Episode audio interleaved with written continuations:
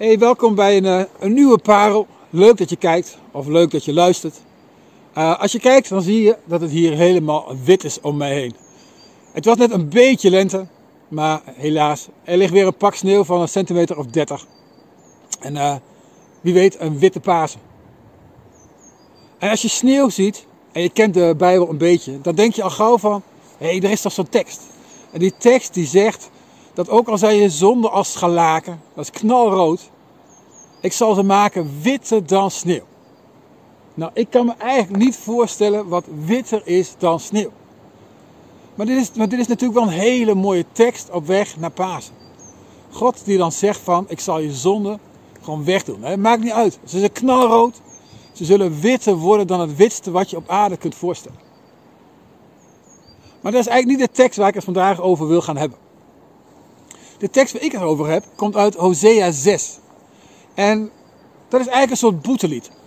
Israël zegt, we moeten weer teruggaan naar God. Maar er zit ook een hele mooie link naar Pasen.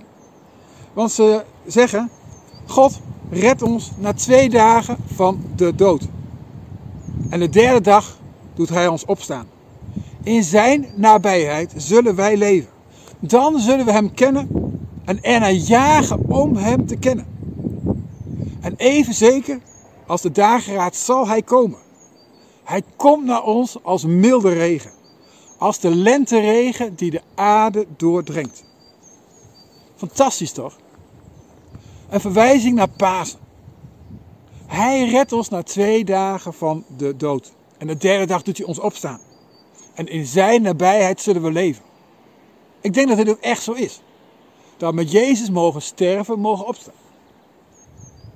En, en, en, dan staat er, en dan zullen we hem kennen. En hij jagen om de Heer te gewoon kennen. Even zeker als de dageraad zal hij komen. Heel mooi. We zullen God kennen op een manier zoals we nooit zullen kennen. Of nooit eerder kennen. Maar als je doorleest, komt er best wel een gek antwoord. Het antwoord van God. Hij zegt, wat moet ik met je beginnen, Juda? Want jullie liefde is als een ochtendnevel. Als dauw die s'morgens vroeg verdwijnt. Want liefde wil ik, geen offers. En met God vertrouwd zijn is meer waard dan enig offer.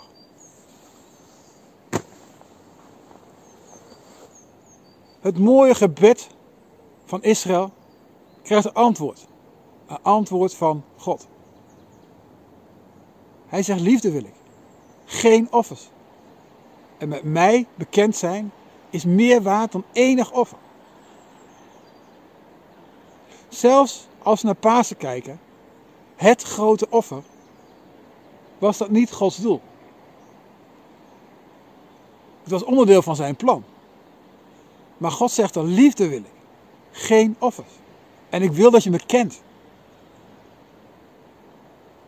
Jezus heeft er ook over in Johannes 14, 15, 16. Hij zegt ook: Je zult de Vader leren kennen zoals je nog nooit hebt leren kennen. En hij legt ook uit hoe dat dan gaat. Hij zegt: Als je in mij blijft, dan blijf ik in jou.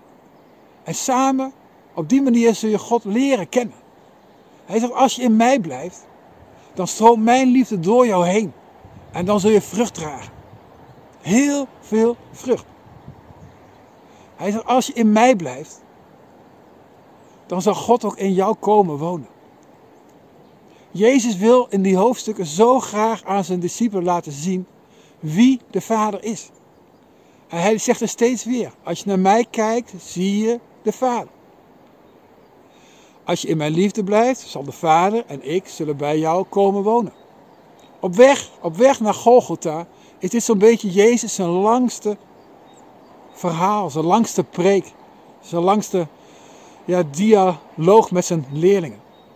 Hij wil ze zo graag duidelijk maken. Blijf in mij. En hij zegt ook van hoe zul je herkennen dat iemand in mij is? Dat zul je zien als hij mijn gebod houdt. En ik geef jullie dit gebod. Heb elkaar lief. Hetzelfde als uit Hosea 6. Liefde wil ik, geen offers. Heb elkaar lief. zoals ik jullie heb liefgehad, zegt hij. Op weg naar Pasen mogen kijken naar Jezus. Kijken hoe Hij ons lief heeft. Met als doel om het zelf weer te mogen doorgeven aan de mensen om ons heen. Een gebod. Heb lief. En God geeft alleen geboden die je ook kunt. En hij zegt zelf ook van, door mijn geest zal ik ook jou ook de liefde in je hart uitstorten. Heb lief. Jezus zegt, blijf in mij. Heb elkaar lief. En daarna voegt hij er ook aan toe, tot zeven keer toe in die tekst. En alles wat je vraagt in mijn naam, ik zal het doen. En dat vind ik nou lastig. Alles wat je vraagt in mijn naam, ik zal het doen. Want afgelopen jaar hebben we onze verliezen helaas moeten, moeten gewoon tellen. Mijn zusje stierf aan kanker. Esther's vader stierf. Corona.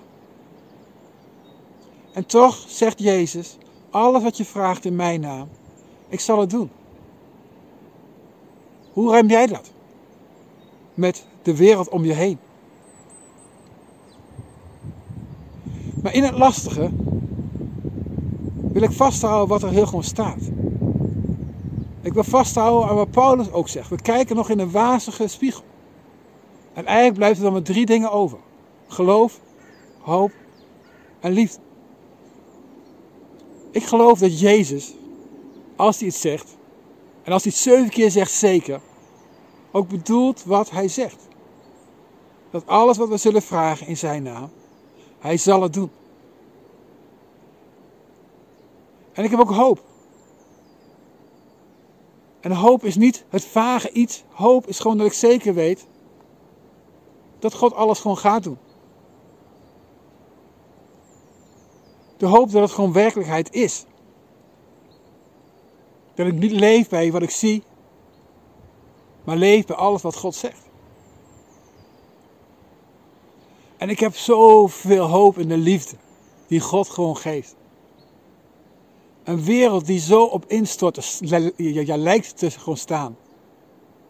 Waarin het kwade om zich heen grijpt.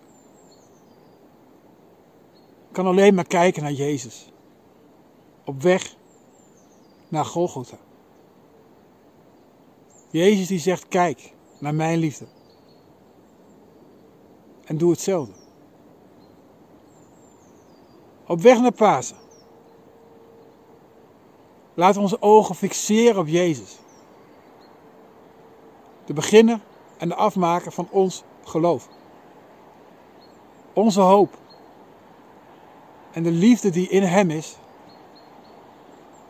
die mogen wij ook doorgeven aan de wereld om ons heen. Gezegende paasdagen.